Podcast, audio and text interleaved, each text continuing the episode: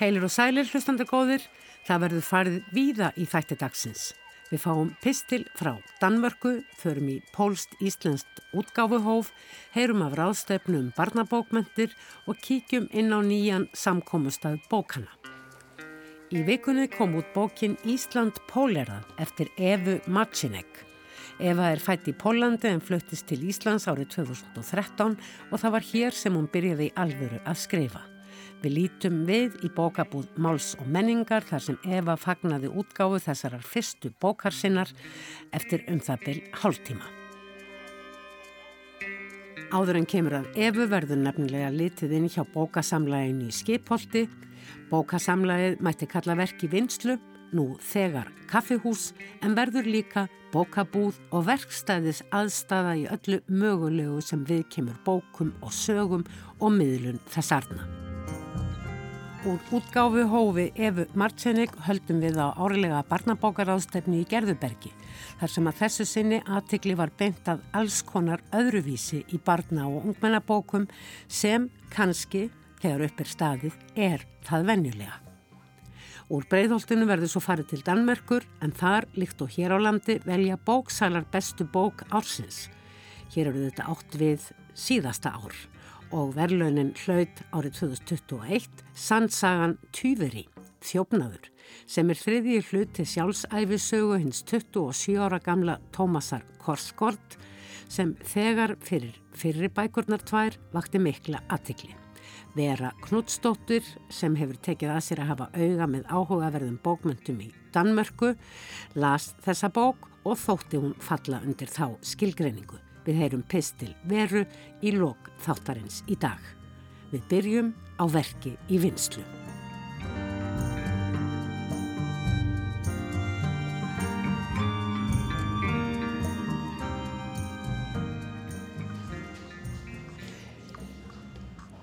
Ég er komin hingað í bókasamlægið í skipholti númer hvað? Númer 19. Skipholti númer 19 og svona til þess að auðvelda hlustendum staðsetningu þá er það þar sem að Ruby Tuesday var einu sinni.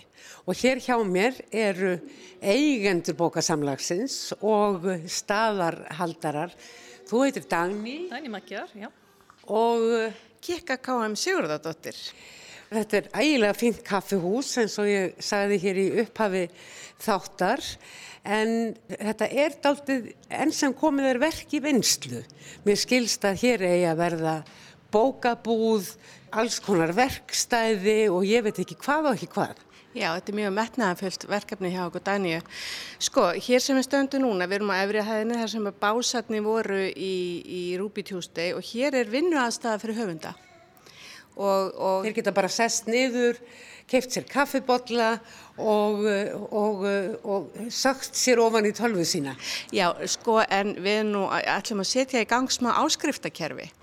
Þannig að þeir munu ganga fyrir sem eru í bókasamlæginu og, og eru í áskrift hjá okkur að vinnuaðstöðin. Þetta verður kannski 5.000 skalla mánuði fyrir að fá að sitja hérna með tölvinæðina í sambandi og, og þú getur geimt líka á gagniðin hér í læstum skápum. Það er svona ímis fríðindi mm. sem fylgja því að vera í bókasamlæginu. En málið er að við trúum því að, að, hérna, að útgáðubræðin sé svolítið að breytast og höfundar vilja sjálfur eiga verkin sín frá A til Ö þannig að við erum svolítið að einblýna á svona sjálfstæðu höfunda þá sem að eru ekki í, á samningi til dæmis hjá útgáfunum mm -hmm. þau, þau geta kannski bara verið á landsbókasafninu eða eitthvað við viljum hinna bjóðuð upp á einhvers konar eh, hérna, vinnustofur þessum höfundum svona til aðstóðar og, og, eh, og, og hvað ég segja, leiðsagnar, jáfnveil einhvers konar yfirlestur? Jú, emitt, þetta er allt svo sem í skoðun og við verðum með námskeiðunum þegar byrjuð að halda námskeið. Við erum að halda okkar annar námskeið núna í 24. mars. Já og það er námskeið fyrir það sem við kallum sjálfstæðu höfunda, þar sem höfunda sem vilja gefa út sjálfur en fá þjónust og aðstóð sem múið annarlega kannski farið hjá útgeðandum og það var rosalega góða þáttak á síðasta námskeið og þar voru mörg mjög góða verkefni þannig við erum spenntar að heyra hvað kemur inn næst mm. en svo er einmitt í framhald að fara staðvinnustofar hjá okkur og það má líka nefna að þeir sem er að koma í fræslan hjá okkur fá alltaf rákjátíma hjá okkur sem við setjumst yfir þeirra verkefni og skoðum bara þær leiðir sem eru mögulegar. Hérna, í samband við þetta frá skrifum til tilbúinar, útgefinar bókar, sem sagt að gefa út bók, mm. hvað er það svona helst sem að fólk, verðandi höfundar, sjá sem stóru hindrunina annars vegar í því að dempa sér út í það að gefa út bók og hvað sjáður sem helsta kostin við það að gera þetta allt sjálfur? Já, sko hindrunar eru auðvitað margar. Eh, ég veit ekki alveg nákvæmlega hvað, hvort það er eitthvað eitt en, en þar sem ég gerði smá rannsókn í fyrra á sjálfstæðum höfundum, það sem kannski einna helst satt í þeim var dreifingin Svo finnst fólki líka erfitt að vera með lagar heima hjá sér að sjálfsögðu mm. en við dagni höfum báðar gefið út bækur sjálfar og við erum búin að detta í nokkra pitti sjálfar þannig að þetta er nú allt byggt á reynslu sko mm. Og hérna og en, en sko það sem getur verið galli annan daginn getur verið kostur hinn daginn eins og til dæmis stærð upplega. Mm. Dagni lendi því með eina bóka prent of lítið og, og svo að prenta of, lít, of mikið næstu bók þannig að þetta þarf alltaf vega og meta mm. og skoða. Varðandi kostina að þá kannski eh, hefur ekki verið nógu mikil að mínu mati svona framfarir í útgafu. Uh, sko höfundar sem eru hjá forlegum eru auðvitað bara þar undir vendarvæng útgefenda og sinna rítstjóra og sinna rítstjóra og, og, og bara allra það er fullt af fólki inn á hverju forlegi sem kemur hverju bók. Það er bara herrmann sem vinnur og, og við erum þessi herr hér. Og, en það sem við erum kannski að sjá fyrir sjálfstæðu útgefundur er annars vegar það að halda öllum rétti sjálfur og ef að við til dæmis og, og samútgáfan okkar bókasamlegið þá getur við gefið út með höfundum að þá fær höfundurinn yfir 50% af seldu eintaki. Mm. en hann líka kannski borgar meir í það heldur en hann væri hjá útgefanda en hann fær meiri pening hér heldur en þessi 23% sem, a, sem er af, af heilsölverði hverja bókar hjá útgefendum. Þannig að peningalega séð getur þetta verið betra fyrir útgefendur. Mm. Nei, fyrir höfunda. Hvað var það svona sem rak ykkur á stað? Var það kaffihúsið, var það bókaútgáðan eða hvað? Ég held að sé svona einmitt, þessi reynsla okkar tveggja, við hefum verið svolítið sjálfar hérna, einsmanns hér þá, nú er tveggja manna hér, að gefa út bækur sjálfar og, og þá reyku okkur á ímislegt og það til dæmis hefur tryblað mig að þegar ég er að selja bóku er að koma inn í dreifingu verslanir að, að hérna, þá týnist bókin svolítið. Það er engin að agitera fyrir bókin minni þar, það er ekkit forlega þar að ídæni eitthvað staðar efst í bunkan. Mm og, og hérna, mér finnst í rauninni sko, við getum gert svo margt við höfundar sem erum að gefa út sjálf bara í samtakamættinum og það er að kefa nút annað bókasamlag, við kikar nú bara rætt af akkurýri og, og þetta er svona byggt á KEA, nei ég segi svona. Sam, Samlagsugsjunin sko, já. Akkurat, við sjáum bara svo mjög tækifæri ef að höfundar vinna saman undir einum hatti mm. þá er þetta að gera margt á svo hakamann hátt. Eins og, og kikar nefndi dreifinguna og, og samningar við prentsmiður og, og hérna ímislegt sem við getum hérna, fengið betra verð bara í krafti fjöldans. Samlegðar áhrifin. Akkurat. En nú er, hefur náttúrulega bókamarkaðurinn og það hvernig við nálgumst bækur og komum þeim á framfæri hefur náttúrulega breyst gífurlega á allra síðustu árum. Hljóðbókin hefur náð uh, miklum mm. ítökum og ég ætla að segja annarkur maður hlustar mest á bækur í hús að það séu jáfnvel fleiri mm. og þið allir líka koma þar inn Já, sko, það kemur svolítið út af húsnæðinu að við fengum þetta frábæra húsnæði hérna í skipholti og það er plás til að setja upp hljóðverð og við ætlum að setja upp hljóður, við erum ekki búin að ræði, það er verið að vinna í því.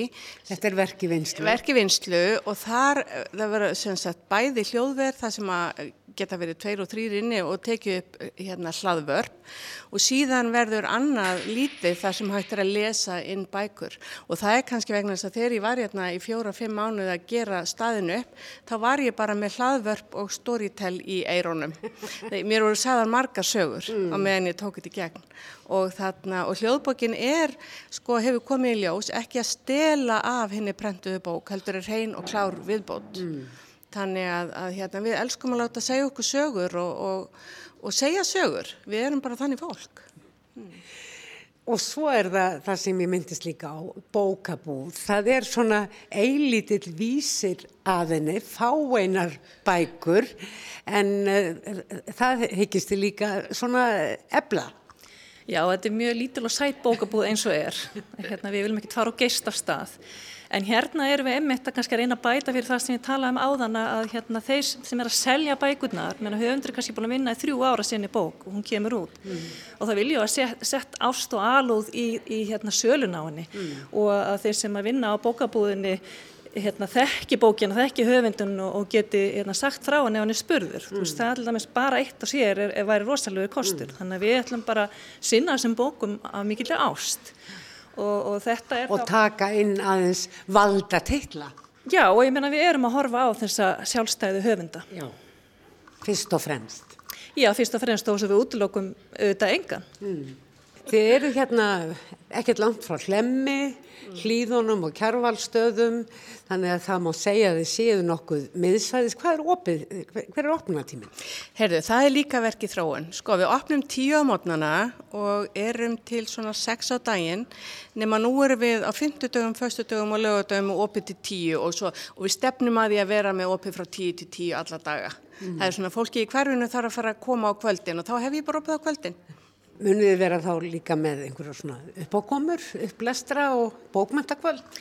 Já, heldur betur. Það eru tækifæri til þess að þessum mm. stað og við sjáum einmitt fyrir okkur líka talandum þessi samlegar áhrif og samstarf að höfundar geta tikið sér saman til þess með útgáfihóf sem mm. er náttúrulega miklu hafkamara og, og auðvildara kannski að kynna og trekja að. Mm. Og við verum hérna auðvitað með upplestur og höfundar geta komið hérna og, og kynnt verk sín, jafnveg verk í vinslu, við vilja kannski hérna vinnaði með hérna sínu lesendum og, og hérna, tækifærin eru bara gríðarlega mörg. Mm. Mér skilst að fyrsta, já hvað ég segja, verkefni, fyrsta pródúttið sé nú þegar í höfn? Já, sko málið er, hérna bara þegar við tókum að lás, þá lappaði hér inn hérna pólskur höfundur, hún heitir Jóhanna Ognieska og er fræg í sínu heimalandi e, fyrir bók sem hún hefur gerð út þar og, og frægur podcastari. Og hún lappaði hérna inn í stórhriðinu og spurði hva, hvað á að koma hér? Og ég segi þetta er svona kaffihús og vinnu aðstæða fyrir höfunda. Og hún bara, ég er höfundur. Og hérna og svo er hérna verður setna hægt að taka podcast, oh, ég er podcastari. Og hún er bara eiginlega búin að vera hér síðan að vinna. Og hérna og við ætlum að vera sem sagt 18. 19. sem sagt mars, þá verðum við hér með mikla útgáfiháttíð, það kemur bókinana frá Pólandi og við ætlum að... Og hún er á pólsku? Já, já, hún er á pólsku, við kannski þýðum hann og gefum hann út setna en, en hún, við ætlum að vera hér með útgáfihóf fyrir pólsku mælandi sem að geta á komið og hitt Jóhannu og keft bókinennar. Jóhanna, what is the name of your book? Oh, it's, uh, it's called uh, Me and My Idiot Friends. Is it in English? No, it's in Polish actually. And the title in Polish? Ja i moje przyjaciółki idiotki. Thank you, stórkostlegt. Fyrsti kúnin var pólskur höfundur. Hversu stórkostlegt er það? Tækifærin eru bara gríðarlega mörg. Á þetta sér einhverja fyrirmynd? Sko, já, öruglega, ég, nei, eða sko þetta er öruglega til engstöður, það við erum nú ekki að finna pjóli hér sko, mm.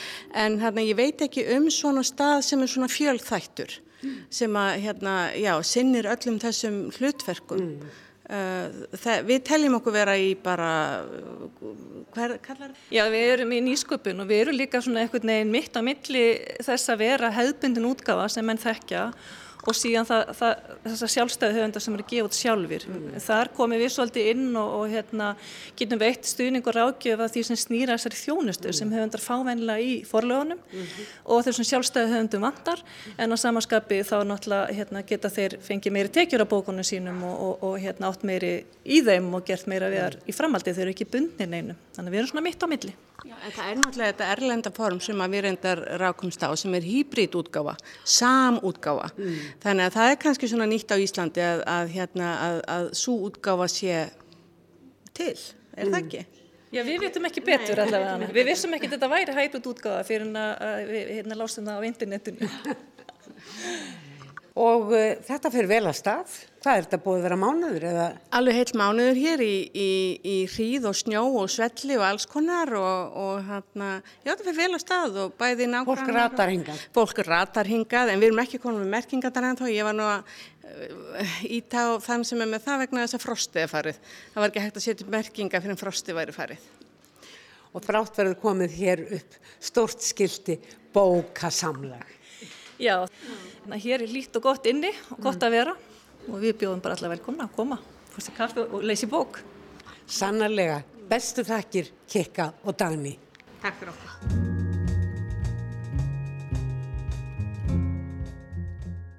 Það virðist komið að því að skálskapar grælingar höfunda sem ekki eiga sér íslensku að móðurmáli og hafa hægt og rólega á síðustu árum verið að tegja sig til ljós aðtiklinar hafi nú loks tekið að blómstra. Í mörg ár hafa rittöfundar af erlendum uppruna og áhuga fólkum skriftur og skálskap, haldi námskeið og upplestararkvöld, byrt ljóð og sögur í sínu eigin tímariti óspressunni en líka í almennum ritum og reyndar hér í þættunum orðum bækur. En nú er komið að ávöxtum erfiðisins eða öllu heldur ástriðunar. Á síðasta ári komu út að minnstakosti tvær ljóðabækur með skálskap höfunda sem eiga sér annað móðurmálinn íslensku. Fyrir skömmu var svo frumsynd í borgarleikúsinu verkið Tú Jest Sa Drogo eða af hverju er allt svona dýrt hérna, nýtt pólst leikrit skrifað á Íslandi á pólsku og syngt með tillýðilegri tungumála aðstóð við þá sem ekki ráða við pólskuna. Fyrir tveimur árum syndi svo alþjóðlegi leikhópurinn Reykjavík Ensemble síninguna Ísland Pólerað sem byggði á skálskap hinnar pólsku Evu Marcinek, nafn sem ætti að klingja bjöllum í huga hlustanda þessa þáttar en Eva hefur gegnum tíðina átt hlutdeild í þeirri virkni sem höfundar af erlendum uppruna á Íslandi hafa staðið að. Í síðustu viku urðu svo þau tímamót í skaldalífi Evu að bókinn Ísland Pólirað kom formlega út hjá JPVF forlægi.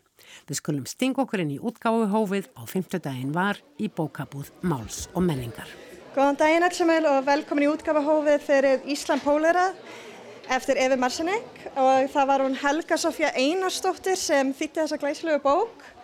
Ég ætla bara að fá að kynna Efi upp á svið, hún ætla að segja okkur frá bókinni.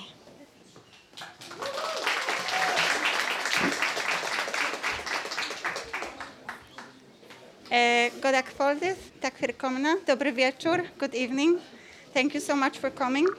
Uh, today we are celebrating uh, Polishing Iceland and I'm so happy that you can be here with me. Um, ætla blanda uh, íslenska og enska og polska saman af því það er sama í uh, bókin okkar. Og um, mér langar að lesa nokkur orð eh, sem ég skrifaði í lok bókarinnar. Eh, þegar nýr rithöfundur gefur út sína fyrstu bók fylgir því allaf eh, mikil gleði. Þegar nýr rithöfundur er líka innflytjandi og fær bók sína útgefna hjá fektum íslenskum útgefanda þrefaldast gleðin. Fyrst og fremst mig langar að þakka forlæginu og Sigurði Gunnarsdóttir Rittstjóri um, fyrir frábæra samvinnu. Uh, Helga Sofía Einarsdóttir þakka fyrir þýðinguna og Alexandra Bull fyrir hönnunina. Takk. uh, Angela Rawlings. Hi.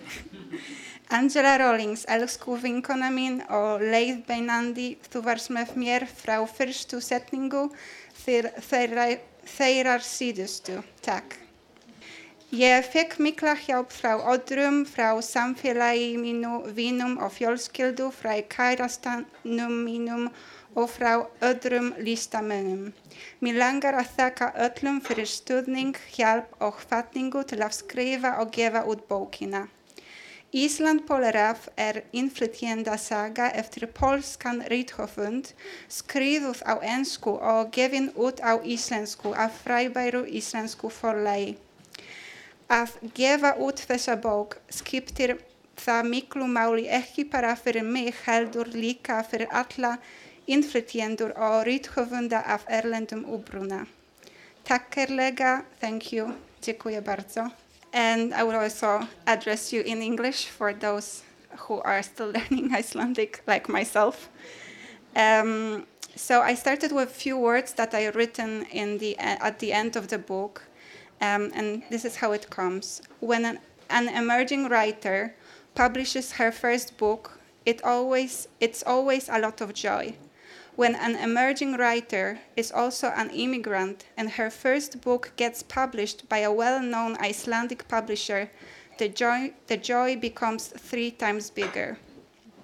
First, I would like to thank uh, Forlagið and Sigrudur Gunnarsdóttir, the editor, for, for an excellent collaboration. Helga Sofia Einarsdóttir, thank you for the translation, and Alexandra Bull for the design. Angela Rawlings, my dear friend and mentor, you were with me the from the first till the last sentence. Thank you. I received so much help from my community, my friends and family, my partner, and also from other artists. It would take very long to name all, so I want to thank you, everyone, for the support, help, and encouragement to write and publish the book. Uh, Island Poleraf is an immigrant story written in English by a Polish writer and published in Icelandic by a great Icelandic publisher. I believe that this book is not only a big step for me personally, but also an important one for the immigrants and for the writers of foreign origin living in Iceland. Uh, bókina. I will also read from the book. Að vera uh, íslensku, polsku og ennsku. Ég gleymi aldrei fyrstu samræðum mínum á íslensku í stór markaði. Viltu poka? Já, takk. Á móðurmáli mínu hjálmar poka eins og sinna mér. Viltu poka? Viltu sína mér hver þú ert? Trúðu mér, ég myndi gera það ef ég kynni. Sagt er að við, pólerandi fólkið, séum að flýja láglóin og félagslag vandamál heima fyrir. En séum við að flóta þá er það frekar undan brostnum hjörtum, brostnum draumum, brostnum stolti. Það er skára að vera skrimsli en að vera brotin manneskja held ég. Stundum finnst mér ég vera þrýtingt skrimsli, klófin sál. Hver tunga hefur sitt eig líf, sínar einn sogur af segja, einn gæsir að grípa. Hver tunga tegir sig og freyfar eftir og leitar af einhverju meira. Meira. More. Więcej. Við elskum störfin sem þið hatið. Við elskum störfið sem, þið hatið. Við elskum störfin sem þið hatið. Það er ekki sagt.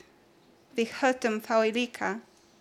Við elskum bara að búa hér, langt frá vandamálum okkar. Frá Pólandi, frá Pólandi, frá Pólandi, frá Pólandi. Frau Polandi, Frau Polandi, Frau Polandi, Frau Polandi, Frau Polandi, Frau Polandi, Tilbof, Bonus, Tilbof, Pilsa, Tilbof, Tilbof, Tilbof, Frau Polandi, Frau Polandi, Frau Polandi, Frau Polandi, Frau Polandi. Mich dreymdi að ég orti ljóð á íslensku. Það var fallegt, mjög barkahljóð. Ég var að reyna að skriða það nýður. Djúpa, dæmi, hverði. Það var farið.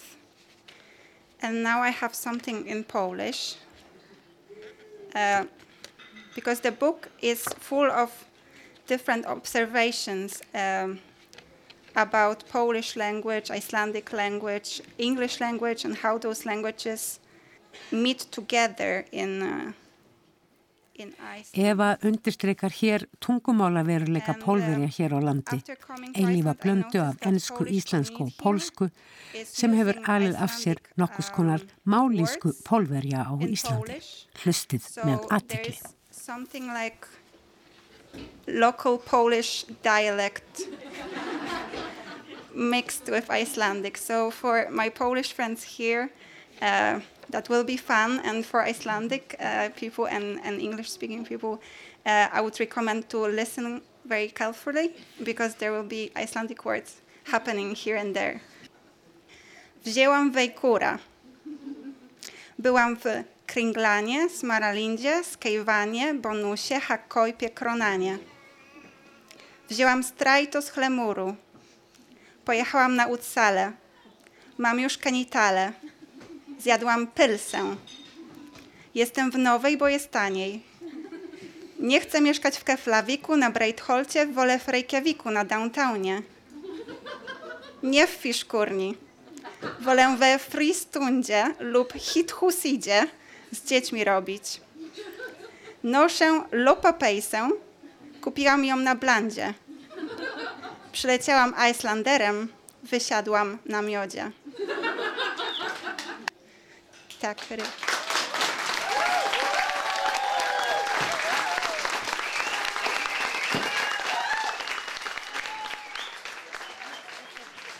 Það leið tólti löng stund þanga til ég komst að Efu Marcinek eftir að hún hefði lesið upp í útgáfu hófinu þar sem hún fagnaði útkomu Ísland pólerað því að röðin til að fá áritaða bók var væga sagt endalaus. Það bættist alltaf í hópin. Eva Marcinek, þetta lítur að vera stórkoslegu dagur fyrir þig.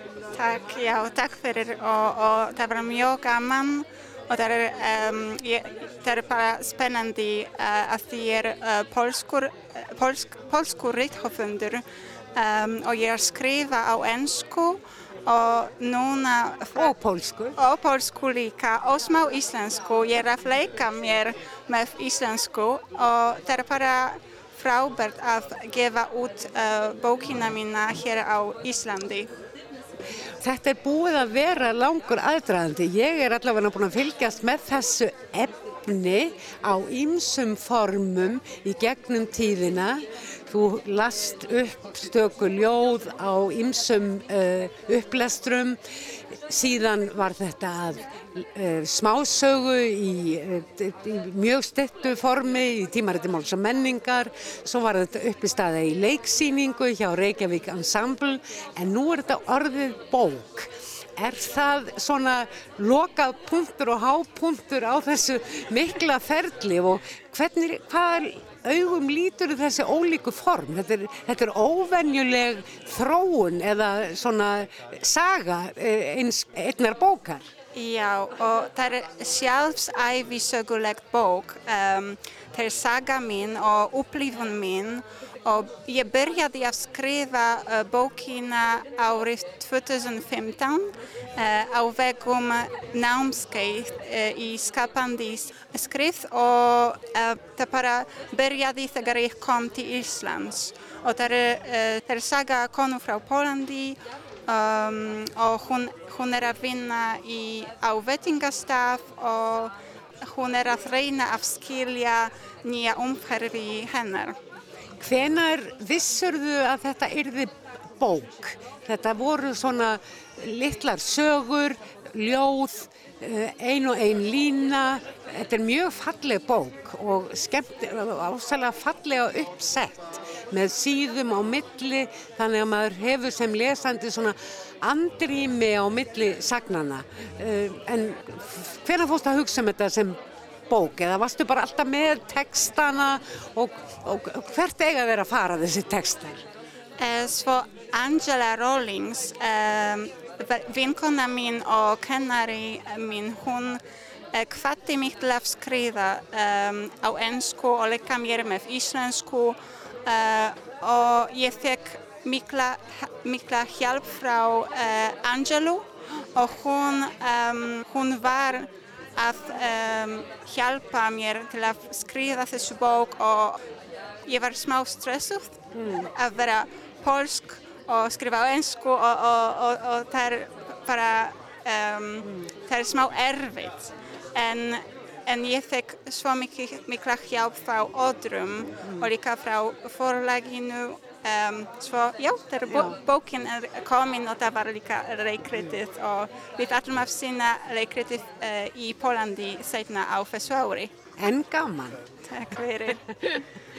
og hvar í Pólandi? Í Wroclaw? Nei, í Gdańsk. uh, það er uh, hátíð, listahátíð í Gdańsk í Shakespeare Theatre þarna og það heitir um, Treasure Iceland og við erum eh, einn af eh, meiru eh, sem eru að koma þarna.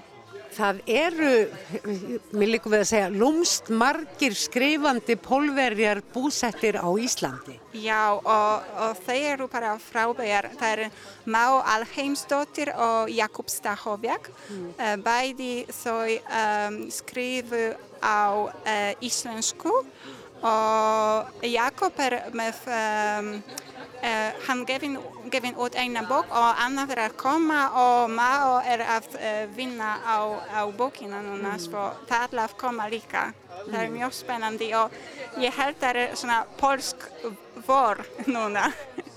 það er polska vorið. Það er glatt þetta polska vor.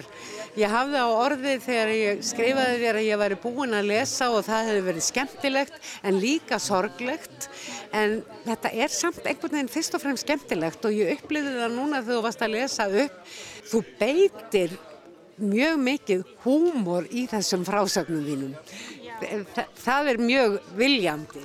Um, því mér langaði ekki að skrifa bók um, um hvað það er erfitt að vera innflytjendur á Íslandi. Mér langaði að skrifa hvað það er fundin og, og skritið að vera manneskja. Þetta eru góð loka orð Eva Matsinni kjartanlega til hamingu með bókina og ég býð bara eftir næstu. Nú er þessari lokið ekki satt. Já, takk fyrir og takk fyrir kellega fyrir komuna.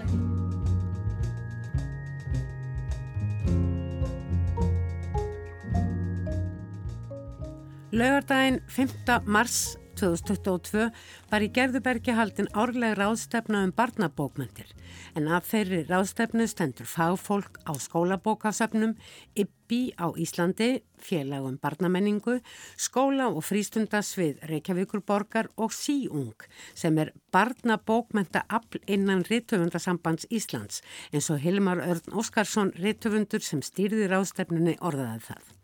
Þessar Gerðubergs ráðstefnur vekja æfinlega aðtegli áhuga fólksum barnabókmentir enda þar þreifað vel eftir púlsi þessarar mikilvægu og margslungnu bókmentagreinar og þá um leið í raun samfélagsins alls. Að þessu sinni var yfirskriftin alls konar öðruvísi enda mátti á síðasta útgáfu ári sem og reyndar á allra síðustu útgáfu árum mátt kenna aukins fjölbreytileika í bókum barnabóka höfunda á Íslandi. Fjórir fyrirlesarar reyfuðu þau mál á ráðstefnun út frá ólíkum sjónarhornum. Raunveruleikin svo skritna skeppna var flestum fyrirlesurum að umfjallunarefni, tólkun hans breytileiki og margbreytileg byrting hans í barnabókmyndum en einnig tregðan gegn þeim raunveruleika sem vil tróða sér að og oft yfirskikja þann raunveruleika sem viðkomandi hefur kosið að skuli vera sinn. Þórun Rakel Gilvadóttir handhafi íslensku bókmyndavelununa fyrir fyrstu skáltsögu sína Akam, ég og Annika sagðist í erendi sínu ekki síst hafa skrifað bókina til þess að átta sig sjálf á markbreytileika síns eigin lífs og getu til að skapa það sjálf sem og almennri treyðu til að meðtaka breytingar. Sem skáldsagan fjallar einmitt um, aðalpersonan Hrafnildur flist með foreldrum sínum til Þískalands og er þar sjálf öðruvísi, auk þess sem þar er allt öðruvísi í hennaraugum. En hvað er í raun og veru að vera öðruvísi? Ef við göngum út frá því að ekkert sé eins, þá er allt öðruvísi.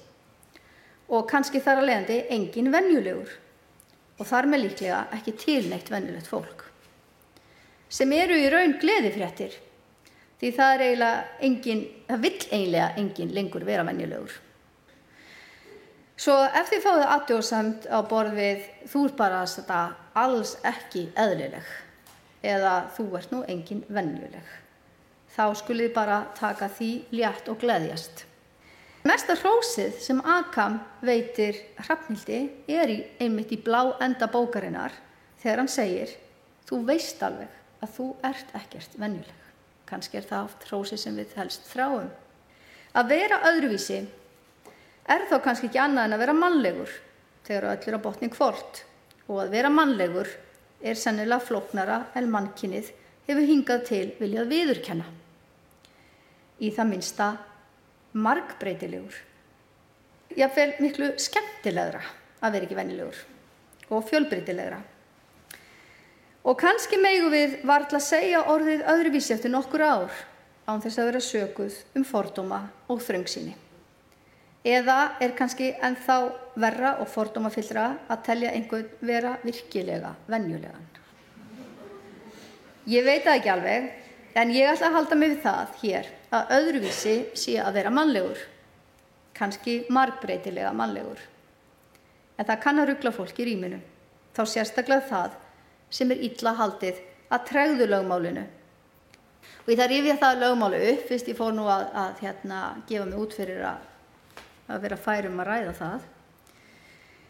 En það er tregðu lögmálu Newtons. Sér hver hlutur heldur áfram að vera í kyrstöðu eða jafnri hreyfingu eftir beitni línu nema kraftar sem á hann verka þvingjan til að breyta því ástandi.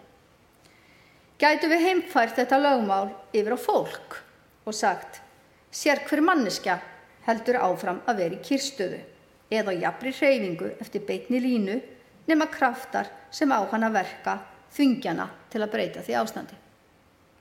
Nú, eða gungum ennþá lengra. Sér hver manneski heldur áfram að vera í kyrstöðu eða jafnri hreyfingu eftir beitni línu nema öðruvísi manneskjur sem á hann að verka þingjana til að breyta því ástandi. En það er ekki víst að þessi kraftar verki alltaf til góðs en stundum gera þeir það. Þeir orsaka breytingar og oft á tíðum skapaður augrandi aðstæður sem nöðsilegt er að takast ávið. Aðstæður sem skera jáfnvel úr um það hvort við verðum höfundar að eigin lífi eða auka personur í lífi annara það er einmitt á þeirri augustundu í bókinni hjá henni, í bókinni minni, Akami og Annika, þegar að Hrafnildur reynir að flýja Akam. Hún, hún vill ekkert sjá hvað Akam er beittur miklu óriðtlæti.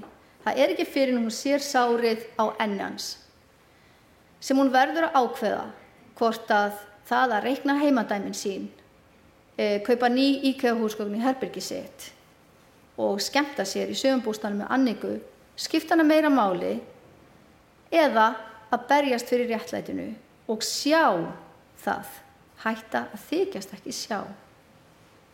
Við stöndum mjög oft fram með fyrir því vali. Ég held einmitt að við fullorðna fólkið sem kannski undir sterkari áhrifum træðumál lögmálsins heldur en börn og unglingar. En þroskumst ekki síður vegna krafta þeirra yngri sem toga í okkur þegar þau augur okkur nýjum gildum og hefðum. En ég vil líka meina að góð leið til að smokra sér undan træðunni sé til dæmis í gegnum bókmentir, í gegnum sögur af markbreytilegu fólki, sögur sem knýja okkur til breytinga, hvort sem er með því að lesa þær, skrifa þær, greina þær eða snúa upp á þær. Og leifum svo bókunum og sögunum að íta við okkur og verða markbreytileg eða öllu heldur manneskuleg. Alla Hrafnei er transkona en í samhengi barna og ungmennabóka myndasöguhöfundur og formaður íslenska myndasögu samfélagsins. Alla leiðir til að mynda áhuga hóp um myndasögur og ólík kyngerfi fyrir ungmenni í gerðubergi og var eins og flestum tíðrætt um raunveruleikan og hvernig hann byrtist ólíkum einstaklingum í bókum, kveikmyndum og svo framvegis. Það geta nefnilega ekki allir séð sjálfan sig í öllum Líkaminn og sjálfið heið innra tilherir kannski ekki sama raunveruleika og þar þykir öllur hafnei myndasögur gegna veigamiklu hlutverki.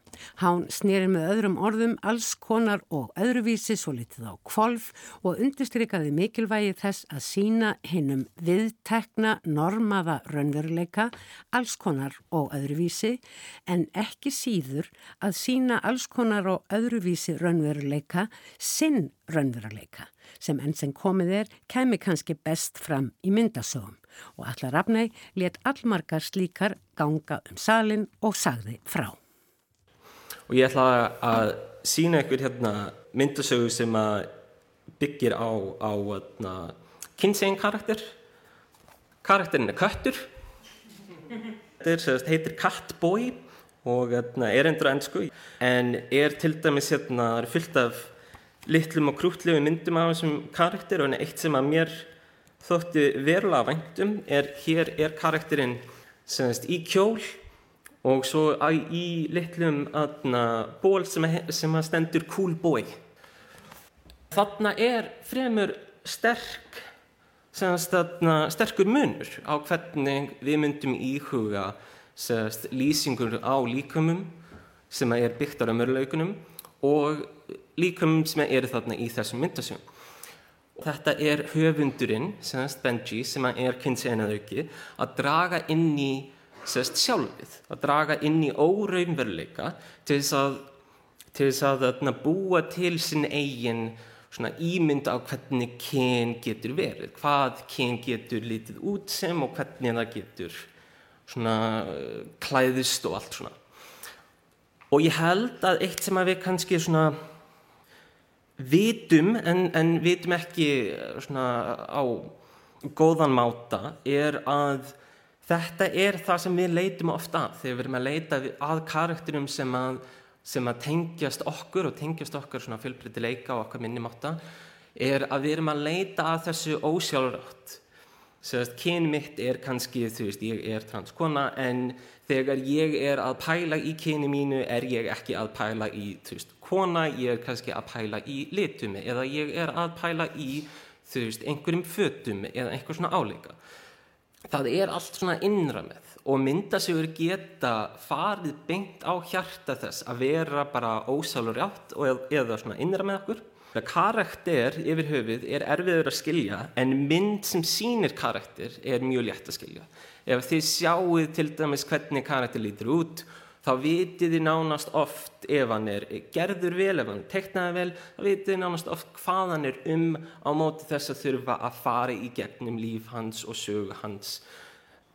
Ég hef aldrei getað hugsað um mig sem transmannsku á þannig ég byrjaði bæði að lesa um og búa til bækur um að vera ég og ég held að það að hugsa um þetta á myndran hátt sé sérstaklega mikilvægt og sérstaklega fallegt og sérstaklega uh, erfitt á máta sem að kannski riðbækur geta ekki alveg nátt til. Það að geta séð sig í mörgum miðlum og sem transmannika geta séð sér mörgum meðlum er eitt af mikið vangasta sem að við sem fólk höfum aðgang að og þess vegna held ég að við þurfum að ebla þann, þann meðl, sérstaklega.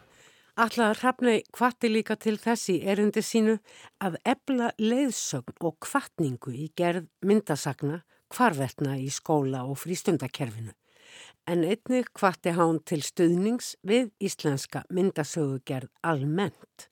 Einn bók eins og heimildamyndasagan Kvár eftir Elisabethu Rún Þorstensdóttur væri fagnaðarefni en það þyrti fleiri íslenskar sögur af þessum toga, auk þýðinga á einhverjum hennar fjölmörgu erlemdu myndasagna.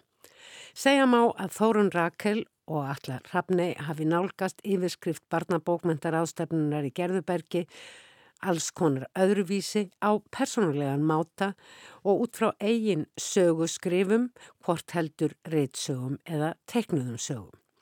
Með fyrirlestrum þeirrabekja var komið hádegislið í Gerðubergi lögardaginn 5. mars en að hlíenu loknu áttu þau Sverri Norrland, reithöfundur og útgefandi og Þorti Skísladóttir, ljóskáld og reithöfundur, sviðið og rættu um alls konar öðruvísi í völdum barnabókum sem og í sögulegu samhengi.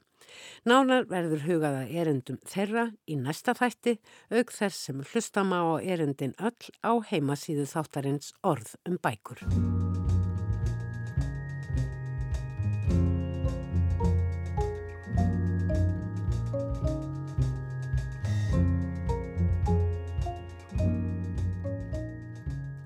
Það er komið að pistli frá Kongsens Kaupinhafn. Vera Knutsdóttir gjörði svo vel. Gullni lárviðurinn, til guldnu láabega, eru bókavelun bóksala í Danmörku. Velunin hafa verið veitt árlega frá árinu 1949 og þykja eftirsoknaverð því að þau fá aðtikli og á þeim er tekið mark. Hverjir hafa nú helst vit á bókmöntum líðandi stundar Aðrir en bóksalarnir sem eru umkringtir nýjútgefnum bókum alla daga lesa þær og fylgjast ekki síst með viðtökum þeirra í rauntíma. Það er hvað lesendur spyrjast fyrir um og leita að og grýpa jáfnvel einstaka aðtóasemtir eins og þessi var leiðileg, þessi frábær, í þólegiðanan höfund og svo framvegis. Hver höfundur getur aðeins unnið velunin einu sinni og þegar litið er yfir lista þeirra sem þau hafa hlotið má sjá ágrip helstu tíðinda og dönskum samtímabókmyndum. Karin Blixen hlaut velunin árið 1952 fyrir Babette's gestibúð, Tófi Dittlefsen 55 fyrir Kvinnesinn, Dea Trier Mörk 76 fyrir Vinterbörn, Helle Helle 2011 fyrir Dette búið skrifus í nútíð eða þetta ætti að skrifa í nútíð. Kim Læni árið setna fyrir bók sína um trúbúðana á Grænlandi, Profetinni í Evihersfjörn. Maður stæði því nokkuð vel í danskri samtímaminningarsögu en maður tæki sér til og læsi í gegnum þennan lista. Og veljuna hafi núna er ungura árum en hlítur veljunin enga síður fyrir sjálfsæfisögu sína sem er reyndar lokaverkið í sjálfsæfisögu þríleik. Tómas Koskóð er fættur í lók februar árið 1995 og því ný orðin 27 ára. Fyrsti hlutin, sem er innblásin af uppvexti hans á búndabæ, nálagt smábænum Nörri Örum á Jólandi, kom út árið 2017 og byr titilinn Visti skuli komi eitt mennske fóbí, eða ef manneska skildi koma framhjá. Árið setna kom framhaldið En deg vil við gríne aði eða dag eitt munum við hlæja af þessu. Og á síðasta ári kom lokabundið, menn skulu nokk hafa veð dega. Maður hefði þurft að vera þar, sem hlaut fyrir nefndan lárfið.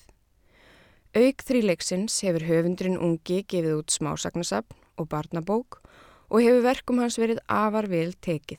Selst í yfir 100.000 eintökum og hlotið lof meðal annars frá sjálfum Lars Lökke Rasmussen, fyrirhandi fósettisráð þeirra Danmörkur. Þess má geta að áður en að höfundurinn hóf sjálfur að skrifa bækur, seldan þær í bókabúð, sem enn á ný varpar ljósi á fyrirbærið bókabúð og bóksalana sem þar starfa og fremja sinn galdur. Virkni bókabúðarinnar og mikilvægi í menningu og bókmyndalífi, þar sem áhrif og afleðingar eiga uppaf í einum kvarpunkti. En hvernig getur maður sem ekki er orðin þrítugur skrifað ekki eina heldur þrjár bækur sem byggja á hans eigin lífi? Er þetta eitthvert grín? Gætu einhverju hlustendur hugsa með sér og gestar með segir um að taka undir ákveðna síbilju sem heyrist gertnan þegar ungt fólk skrifar sjálfsæfisugur. Popprinsessan Britney Spears var til að mynda ekki orðin tvítug þegar hennar fyrsta sjálfsæfisaga kom út og fólk brosti í kampin og saði hvað hefur svo ung stúlka lifað til að geta festa og prent og gefið út í miljónum eintaka? Ímislegt er stuttasvarið og í dag þegar sagabrittniðar endurspeglar tíðaranda og popkultur sem einkennist af kvennfyrirlitningu og drusluskum aldamótana er æfisaga hennar ekki svo ómerkileg, heldur heimild um tíma, viðmið og gildi sem vonandi eru á útleið. En sjálfsæfisaga Kórskort er að sjálfsögða dálitið öðrum toga en æfisaga Brittnir. Hér skrifar hann um aðalpersonuna Túe sem elst upp við alkohólisma, fátækt og heimilisofbildi en ákveður að segja skilið við æskustöðunar og leita nýra miða og öðlast betra líf.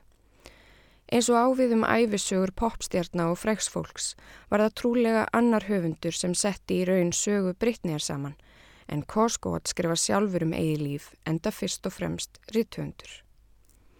Ólíkt sögu Brittnýjar sem er auglist sem æfisaga og ber augsýnilega þann undirtitil eru sögur Koskort mertar sem skáldsögur en í viðtölum og kynningum á sögunum lýsir hann því hvernig erfið æska hafi orðið honum að innblæstri og hvernig hann hafi uppgötað að erfið lífsreynsla gæti reynst góður efniviður til að skrifa sögur. Sögutími fyrstu sögunar eru aldamótin 2000. Einmitt sá tími þegar fræðar sól Brittnýjar skein sem skærast en efnahagskreppa leikur fjölskyldu hins 12 ára túi grátt.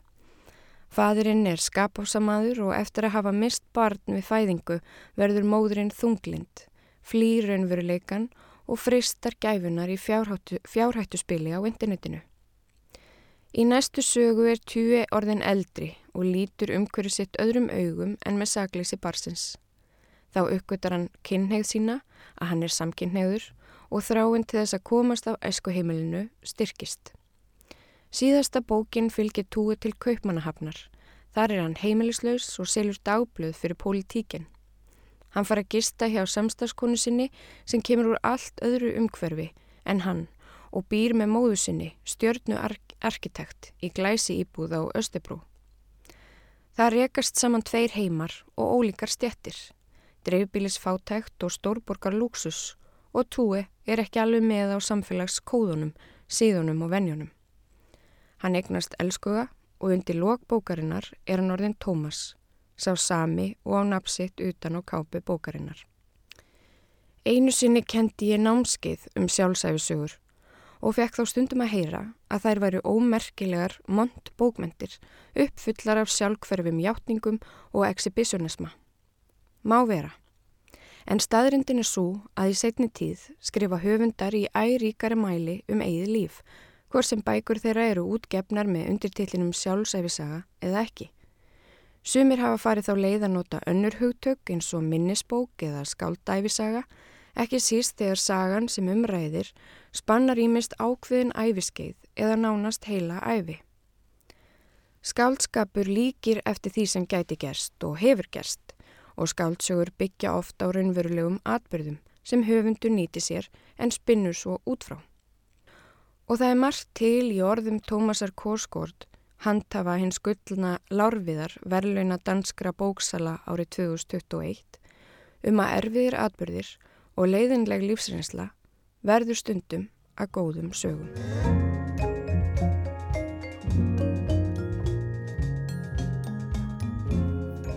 Fleiri verða orð um bækur ekki að þessu sinni. Það var Georg Magnússon sem nostraði við tæknilega framsetningu þáttarins. Takk fyrir að hlusta, verði sæl.